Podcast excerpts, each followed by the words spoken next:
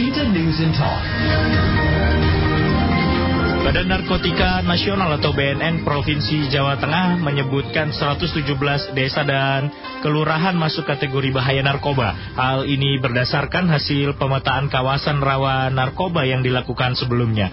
Untuk kategori waspada, BNN Provinsi Jawa Tengah mencatat terdapat 570 desa dan kelurahan, sementara kategori siaga ada 1070 desa dan kelurahan, serta kategori aman 6743 desa dan kelurahan. Bagaimana pemetaan wilayah rawan narkoba di Jawa Tengah? Kami jumpai Koordinator Bidang Pencegahan dan Pemberdayaan Masyarakat atau P2M BNNP Jawa Tengah, Susanto.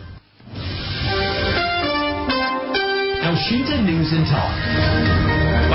Santo, bagaimana proses BNN Jawa Tengah ini memetakan uh, desa dan kelurahan yang aman sampai ke tingkat zona merah ini dari narkoba? Iya, Mas Muhammad. Iya, Pak pagi. Selamat pagi, Pak Santo. Iya, dalam rangka upaya kita mewujudkan Indonesia bersih dari narkoba, hmm. memang banyak program kita laksanakan terutama program berkaitan dengan pencegahan pemberantasan penyalahgunaan dan peredaran gelap narkotika. Karena di situ ada upaya melakukan pencegahan, upaya melakukan rehabilitasi dan juga pemberantasan.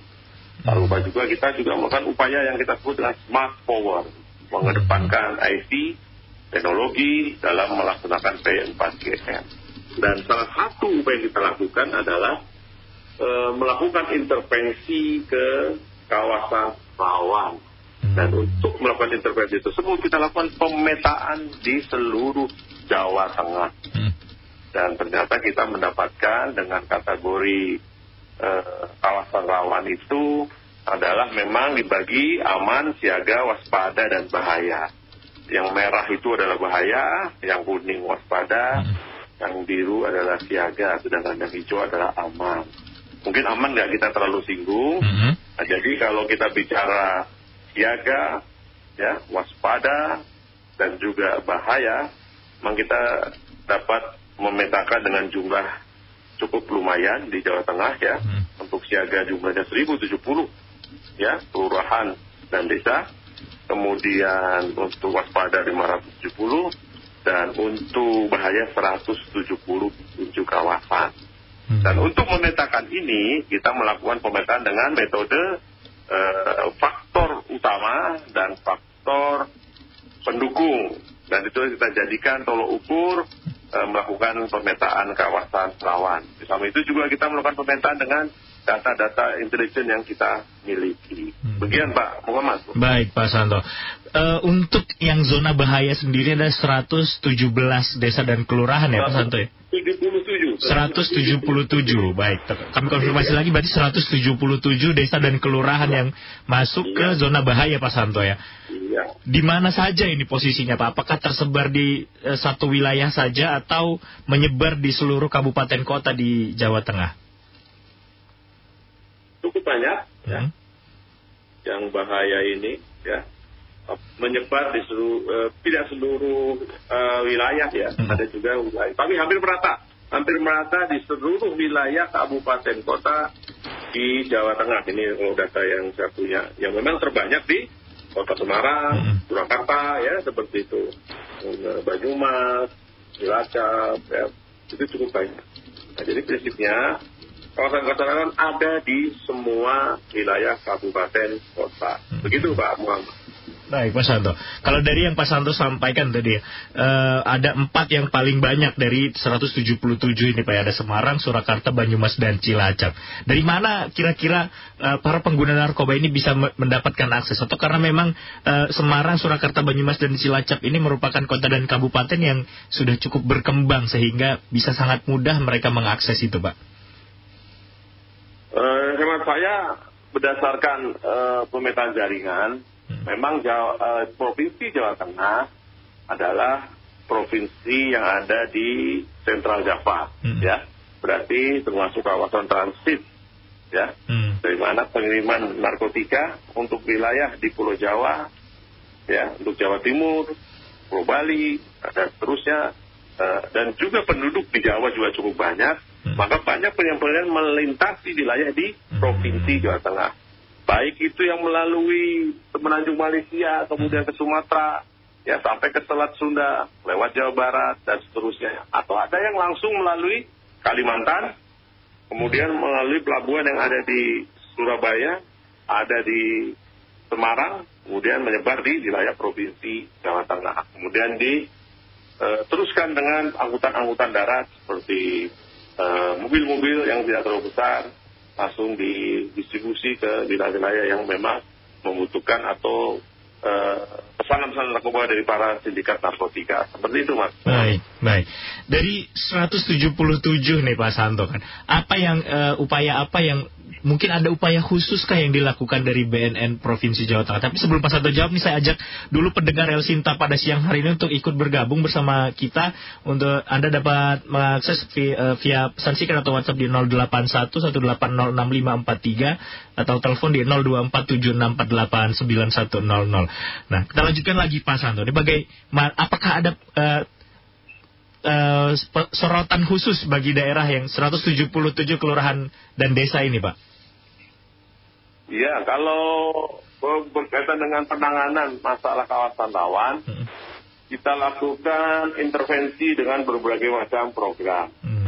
Ya, e, memang belum semua merata mendapat e, intervensi dari Badan Narkotika Nasional. Hmm. Ya, e, terutama yang memang e, berkaitan dengan e, tugas wilayah ya, tapi juga didukung dengan anggaran yang ada ya di hmm. provinsinya.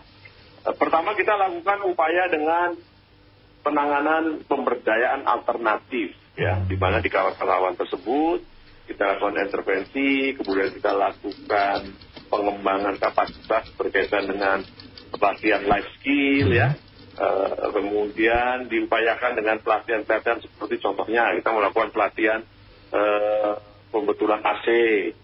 Pelatihan kelas hmm. pelatihan batik dan sebagainya tujuannya adalah untuk mengalihkan dari selama ini memang e, fungsinya atau pekerjaan yang berkaitan dengan berhubungan narkotika, dia punya pekerjaan lain dan atau paling tidak menjadikan daya tahan karena punya kemampuan ekonomi melakukan pekerjaan dengan pembinaan pemberian atau lagi yang kita lakukan.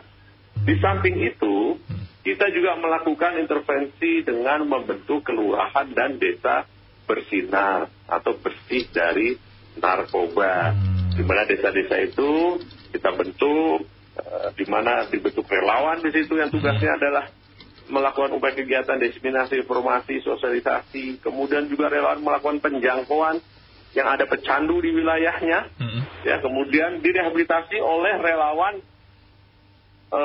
intervensi berbasis masyarakat, agen pemulihan. Jadi relawan itu mampu melakukan penanganan dini terhadap hmm. penyalahguna narkotika apabila memang sudah cukup uh, akut, maka bisa dirujuk ke tempat rehabilitasi yang lebih uh, mampu atau lebih menguasai dari penanganan pecandu narkotika yang memang kategorinya sudah berbahaya. Hmm. Jadi intervensi kita lakukan seperti itu Pak Muhammad. Ya, Kabupaten alternatif dan juga kita bentuk kelurahan dan desa bersinar. Seperti itu. Mas Muhammad. Karena memang sebetulnya faktor lingkungan baik keluarga, tetangga juga berpengaruh sebetulnya Pak Santo ya dalam kehidupan kita uh, bermasyarakat dan uh, interaksi kita terhadap bisa bisa jadi barang narkoba seperti ini ya Pak Santo ya. Betul, Muhammad. Hmm. Lingkungan sangat berpengaruh dan punya peran yang cukup besar. Baik, tapi dari 177 uh, kelura kelurahan dan desa yang masuk kategori bahaya ini Pak Santo, uh, bagaimana kemudian BNN men mencari atau mengindikasikan 177 desa kelurahan ini? Apakah mereka termasuk uh, banyak yang menggunakan atau justru banyak mengedarkan Pak Santo? Ya, yang kita lakukan untuk menetapkan kawasan tersebut sebagai kawasan rawan dengan level bahaya maupun waspada dan seterusnya hmm. itu kita lakukan dengan upaya pemetaan kawasan rawan, hmm. ya, di mana ada beberapa tolok ukur yang kita lakukan. Ada tolok hmm. ukur uh, faktor pokok, yaitu ada delapan tolok ukur, saya kurang di hmm. tapi ada itu ya. Hmm. Kemudian tolok ukur faktor pendukung. Nah, hmm. Untuk yang rawan itu, uh, biasanya faktor pokoknya ada 5 sampai 8 faktor pokok. Hmm. Tapi kalau yang pendukung 4 sampai 5 faktor pokok. Ya. atau kita ukur dengan indeks kawasan rawan Mm-mm. 1,00 sampai 1,75. Yaitu tolong ukur kita eh, bahwa ternyata ke, ke, ke, keteguhan kawasan rawan sangat kecil sekali sehingga kita tentukan kawasan tersebut menjadi kawasan rawan. Hmm. Seperti itu Mas Muhammad. Baik, dari 177 ini lebih banyak berarti mereka pengedar atau pengguna di di desa kelurahan itu Pak Santo? Kita melihatnya dari 5 sampai 8 faktor pokok. Hmm. Asal memenuhi 5 sampai 8 itu masuk kategori bahaya. Ah. Bisa terjadi eh, pengedarnya lebih besar atau penyalahgunanya lebih besar. Bisa juga CCTV yang jelas ada 8 apa, 5 sampai 8 faktor pokok ada di kawasan tersebut. Hmm. Baik, baik. Kalau ini ke- sekarang kita sudah berbicara tadi mengenai banyaknya faktor eh, yang meng- meng- mengidentifikasikan daerah dan kelurahan yang masuk kategori bahaya, Pak. Tapi masih terdapat nih 6.743 desa dan kelurahan yang masuk kategori aman. Ini bagaimana kemudian BNN Jawa Tengah men- menjaga agar yang aman ini tetap aman, Pak? Baik.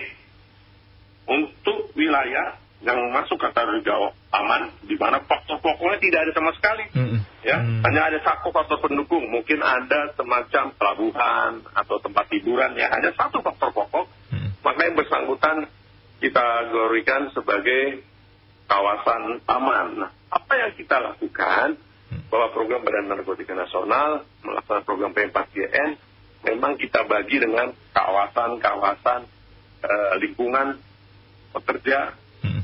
Lingkungan pendidikan lingkungan masyarakat ya kemudian lingkungan keluarga. Mm. semua itu sebenarnya tolok ukurnya adalah berkaitan dengan pembangunan yang kita sebut kelurahan dan desa bersinar. Mm. tapi yang memang lebih utama kelurahan desa bersinar adalah yang mulai dari kawasan berbahaya di situ. Tetapi bukan berarti kawasan aman kita melepaskan tetapi pada prinsipnya dengan program-program yang ada kawasan-kawasan aman itu tetap kita intervensi agar mereka punya sistem di mana bisa menolak penawaran narkoba. Mohon maaf. Mm. Demikian mas. Iya, ada satu desa atau kelurahan yang menjadi role model tidak Pak Santo untuk pe- eh, penindakan atau pengawasan terhadap lingkungannya dalam eh, menangani pe- penyalahgunaan narkoba ini. Eh, untuk di wilayah kota Semarang ada beberapa kota yang apa, mohon maaf desa yang sudah kita bina atau kelurahan. Hmm. Beri contoh kelurahan Kuningan. Ya, kita bina levelnya dari bahaya dia sudah menurun ke level waspada. Hmm. Ada juga beberapa kota yang sedang kita garap seperti kelurahan Punden, Hmm. Purwoyoso, kemudian kelurahan eh, Tawangsari, ya, Hmm. dan juga pernah kita lakukan penanganan di kelurahan Sekayu. Itu satu upaya sudah kita lakukan. Dan itu menjadi role model juga bagaimana penanganan kelurahan atau desa bersinar eh, agar bisa lepas dari kawasan lawan tersebut. Hmm. Begitu mas. Dan sedangkan dari sementara yang dari sudah masuk kategori bahaya ini apakah dari pihak kelurahan atau ju- mungkin dari eh, kalau narkoba ini kan biasanya eh, identik dengan perilaku anak muda yang eh, salah begitu Pak ya. Apakah dari mungkin Karang Tarunanya sudah mencoba untuk memperbaiki itu Pak? Apabila eh, kawasan rawan tersebut sudah kita intervensi, Hmm. biasanya kita lakukan tahapan-tahapan dari mulai rapat koordinasi, rapat sinergitas, kemudian kita membentuk unsur-unsur yang ada di dalamnya, terutama relawan, kemudian pelatihan relawan, kemudian pelatihan agen pemulihan, kemudian juga kita lakukan pelatihan-pelatihan yang bersifat eh, life skill, Hmm. begitu, jadi sehingga ada upaya-upaya yang bisa kita upayakan sehingga wilayah tersebut juga bisa kita tangani. Termasuk yang kita sebut relawan tersebut adalah para karang taruna, Hmm. ibu-ibu PKK, kemudian juga tokoh-tokoh masyarakat. Kita bentuk relawannya di kawasan tersebut. Ya, begitu mas. Nah, eh, berarti instansi apa saja yang rutin biasanya diajak bekerja sama dengan BNN Jawa Tengah Pak untuk mengurangi eh, desa atau kelurahan yang mungkin menurunkan levelnya begitu dari bahaya hingga siaga. Ya, Eh, biasanya yang kita hubungi banyak, kita bekerja sama dengan pemerintah daerah. Ya, di mana pemerintah daerah itu salah satunya ada institusi instansi yang disebut dengan Kesbang, POL ya.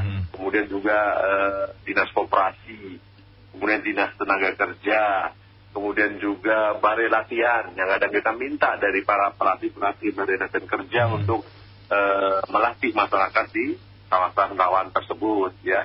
Prinsipnya kita tetap menggandeng eh, institusi yang yang berkaitan erat dengan penanganan kawasan rawan tersebut. Bahkan perusahaan-perusahaan ya seperti juga kita lakukan di wilayah di kawasan eh, Kalibanteng Kulon kita undang dengan eh, perusahaan eh, bintang 7 di mana ada life skill pelatihan penanaman jahe di dalam polybag ya kemudian pembuatan kue dan sebagainya Nah, itu salah satu upaya-upaya yang kita lakukan Hmm. seperti itu mas Berarti memang pendekatannya adalah pendekatan perubahan karakter ya Pak ya? Untuk merubah karakter penyalahguna menjadi orang yang lebih baik lagi begitu Pak ya? Betul pembedaan sikap perubahan karakter sehingga dia bisa punya kemampuan untuk menolak penawaran narkoba. Dan dijauhi dengan hal-hal yang berkaitan dengan narkoba. Diberikan kemampuan ekonomi diberikan kemampuan dia untuk mencari kehidupan sehingga bisa beralih ya dan punya kemampuan untuk menghindari dari eh, bisnis-bisnis atau berkaitan dengan hal yang berdekatan dengan permasalahan narkotika. Begitu mas. Hmm. Untuk pendekatan dari segi aparat keamanan sendiri mungkin ada Pak yang eh, ternyata satu kelurahan ini sudah terlalu banyak pengedarnya begitu. Meskipun tidak bisa diidentifikasikan eh, siapa saja yang menjadi pengedar tapi eh, dari B- BNN Jawa Tengah memiliki data mungkin. Terus mengajak eh, Ya. aparat penegak ada juga seperti itu berarti Pak. Ada. Jadi kita eh, apabila kawasan tersebut memang sudah kita anggap cukup, karena kan kita bentuk juga relawan yang berkaitan dengan eh, mereka yang dapat menciptakan lingkungan bersih narkoba. Jadi ap- seperti kepanjangan informan dari BNN seperti itu ya. Jadi mereka punya kemampuan untuk mendeteksi hal-hal yang memang mengancam lingkungannya kita dengan masalah narkotika. Bahkan pada saat tertentu kita juga pernah melakukan operasi setiap malam minggu dengan masyarakat, kemudian didukung dengan eh, polsek, polres ya kita operasi. Bahkan pernah kita juga mengerahkan anjing pelacak Hmm. pada saat sudah kita dapati atau kita deteksi si pengedar, kemudian kita eh, melakukan upaya penanganan ya dan sekarang kita juga berhasil menyita beberapa hal peralatan yang berhubungan dengan eh, pengedaran narkotika. Begitu mas. Untuk eh, pendekatan edukasinya sendiri apakah sudah dilakukan BNN Jawa Tengah juga Pak? Misalnya eh, mendatangi sekolah-sekolah atau mungkin kelompok-kelompok anak muda kreatif di daerah begitu. Ya, salah satunya memang kan saya sampaikan tadi ada yang namanya eh, lingkungan pendidikan. Hmm. Dengan diciptakannya, diciptakannya kelurahan bersinar, desa bersinar. Nah, untuk lingkungan pendidikan kita upayakan di sekitar lingkungan desa atau kelurahan bersinar tersebut. Hmm. Kita lakukan upaya, upaya edukasi, sosialisasi. Memang kita akui bahwa tingkat sebarannya masih terbatas. Oleh karena itu kita perlu dukungan dari pemerintah daerah.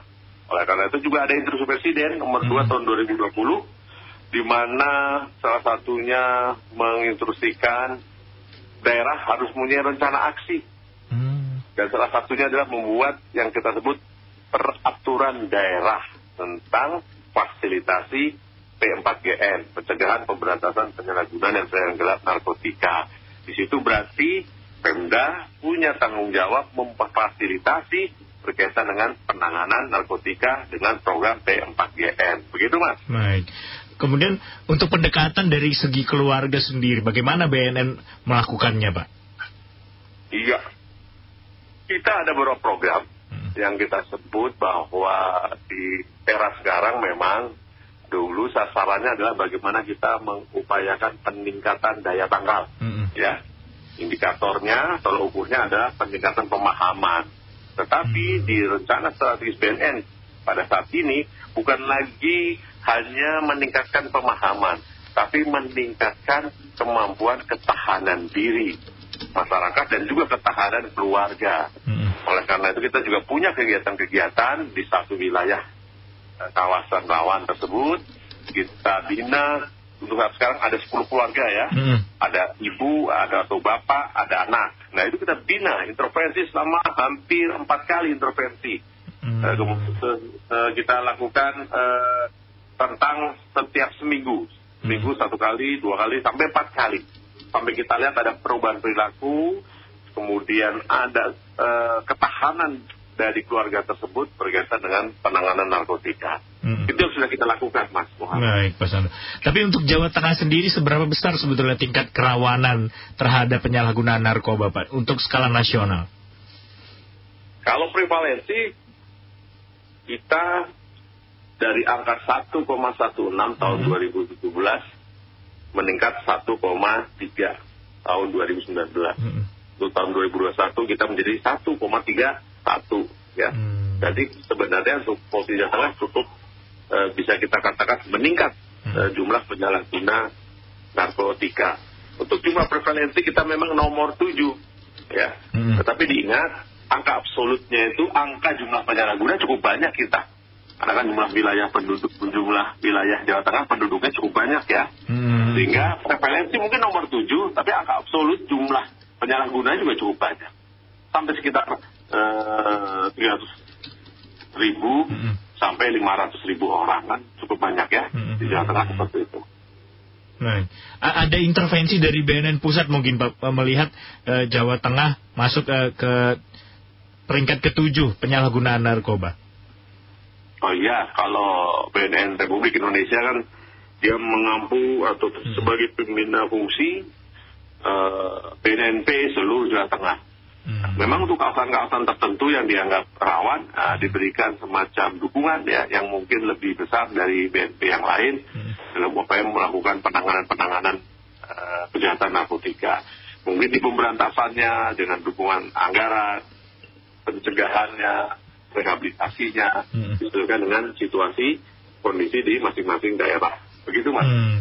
Untuk eh, sebetulnya nih eh, Pak Santo, saya masih merasakan keresahan sebetulnya karena memang beberapa kali saya melihat kasus itu pengguna atau penyalahguna narkoba itu ketika keluar dari rehabilitasi atau bahkan penged- yang, yang cukup parah sih pengedar sebetulnya Pak Santo ya.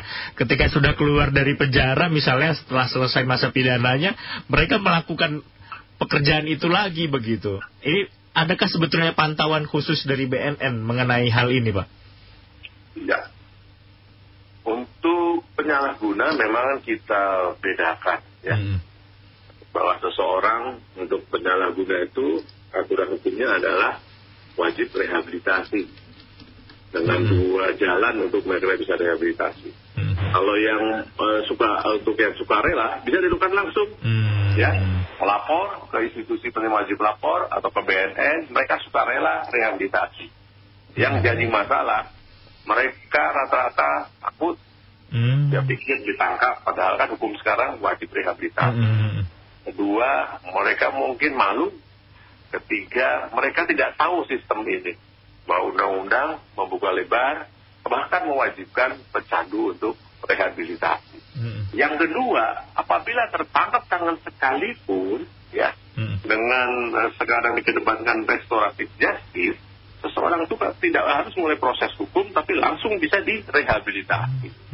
Atau rehabilitasi di- diputus oleh hakim, atau ditetapkan oleh hakim. Untuk seseorang karena tertangkap tangan, dilakukan rehabilitasi. Itu untuk penyalahguna, Mas Muhammad. Hmm. Tetapi kalau kita bicara pengedar, itu lain lagi. Kita harus lakukan tindakan yang cukup tegas. Ya. Tapi semua itu kan sebuah rangkaian. APH atau aparat penegak hukum, mulai dari penyidik, penuntut, sampai di sidang pengadilan, itu kan perlu satu pemahaman bahwa kejahatan narkotika adalah kejahatan yang serius, ya. Ancamannya pun cukup berat, tapi rentangnya kan cukup lebar, Hmm. ya. Contoh, kalau aturan di atas 5 gram untuk kejahatan pengedaran narkotika bisa dihukum, dikenakan hukuman mati. Tapi kan tidak semua wilayah atau hakim di wilayah tersebut menetapkan hukuman tersebut. Hmm. Dan itu sah sesuai dengan keyakinan hakim. Mungkin belum belum saatnya ya di, di putusan yang cukup berat. Mereka dihukum mungkin hanya 10 tahun. Hmm. Nah, begitu dihukum, ada di lapas, ini juga permasalahan. Nah, harus dibina dengan baik. Hmm. Kapasitas lapas juga harus mencukupi, ya kan? Hmm. Jumlah sipir juga harus banyak, jumlah pembinaan juga harus demikian eh, berjalan lancar, ya. Jangan malah nanti terjadi transformasi pertukaran eh, pengalaman di situ, jadi seseorang yang tadinya eh, penyalahguna bisa juga menjadi pengedar. Hmm. Dan ini perlu penanganan yang serius dan komprehensif serta terintegrasi, ya, tidak hanya sendiri-sendiri. Dan itu perlu dukungan dari pemerintah. Seperti itu. Hmm, baik. Memang ha- harapannya mudah-mudahan Pak Santo ya pada siang hari ini mereka penyalahguna yang mendengar radio ini yang masih takut untuk mengakui bisa mendengar radio ini dan berani untuk me- mengakui ya Pak ya. Iya, Hmm, mereka harusnya tidak usah takut. Kayak saya yakin kecanduan itu rasanya sakit ya, tidak enak. hmm. Kecuali dia bisa mengonsumsi kembali, hilang itu rasa sakonya kan. Nah, jadi jangan berkata atau berpikir sulit untuk bisa pulih. Sekarang sudah ada aturan, ya, tidak diberikan hukuman, bisa lapor sukarela. Sebenarnya orang tuanya diwajibkan loh Pak Muhammad. Hmm, Nah, andaikan dia tidak melapor, bisa dikenakan hukuman 3 sampai 6 bulan. hmm. Baik orang tua yang sudah cukup umur maupun orang tua terhadap anak yang belum cukup umur.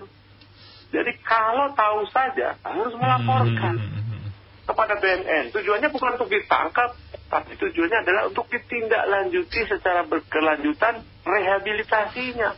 hmm. Tujuan kita menghentikan permintaan.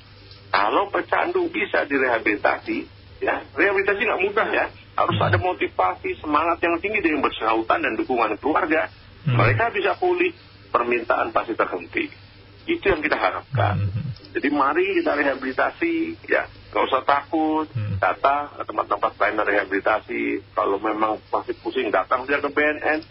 Kita sangat humanis di sini, menerima mereka. Ya kecuali kalau pengedar memang ada Hmm. kita punya tahanan di belakang ya.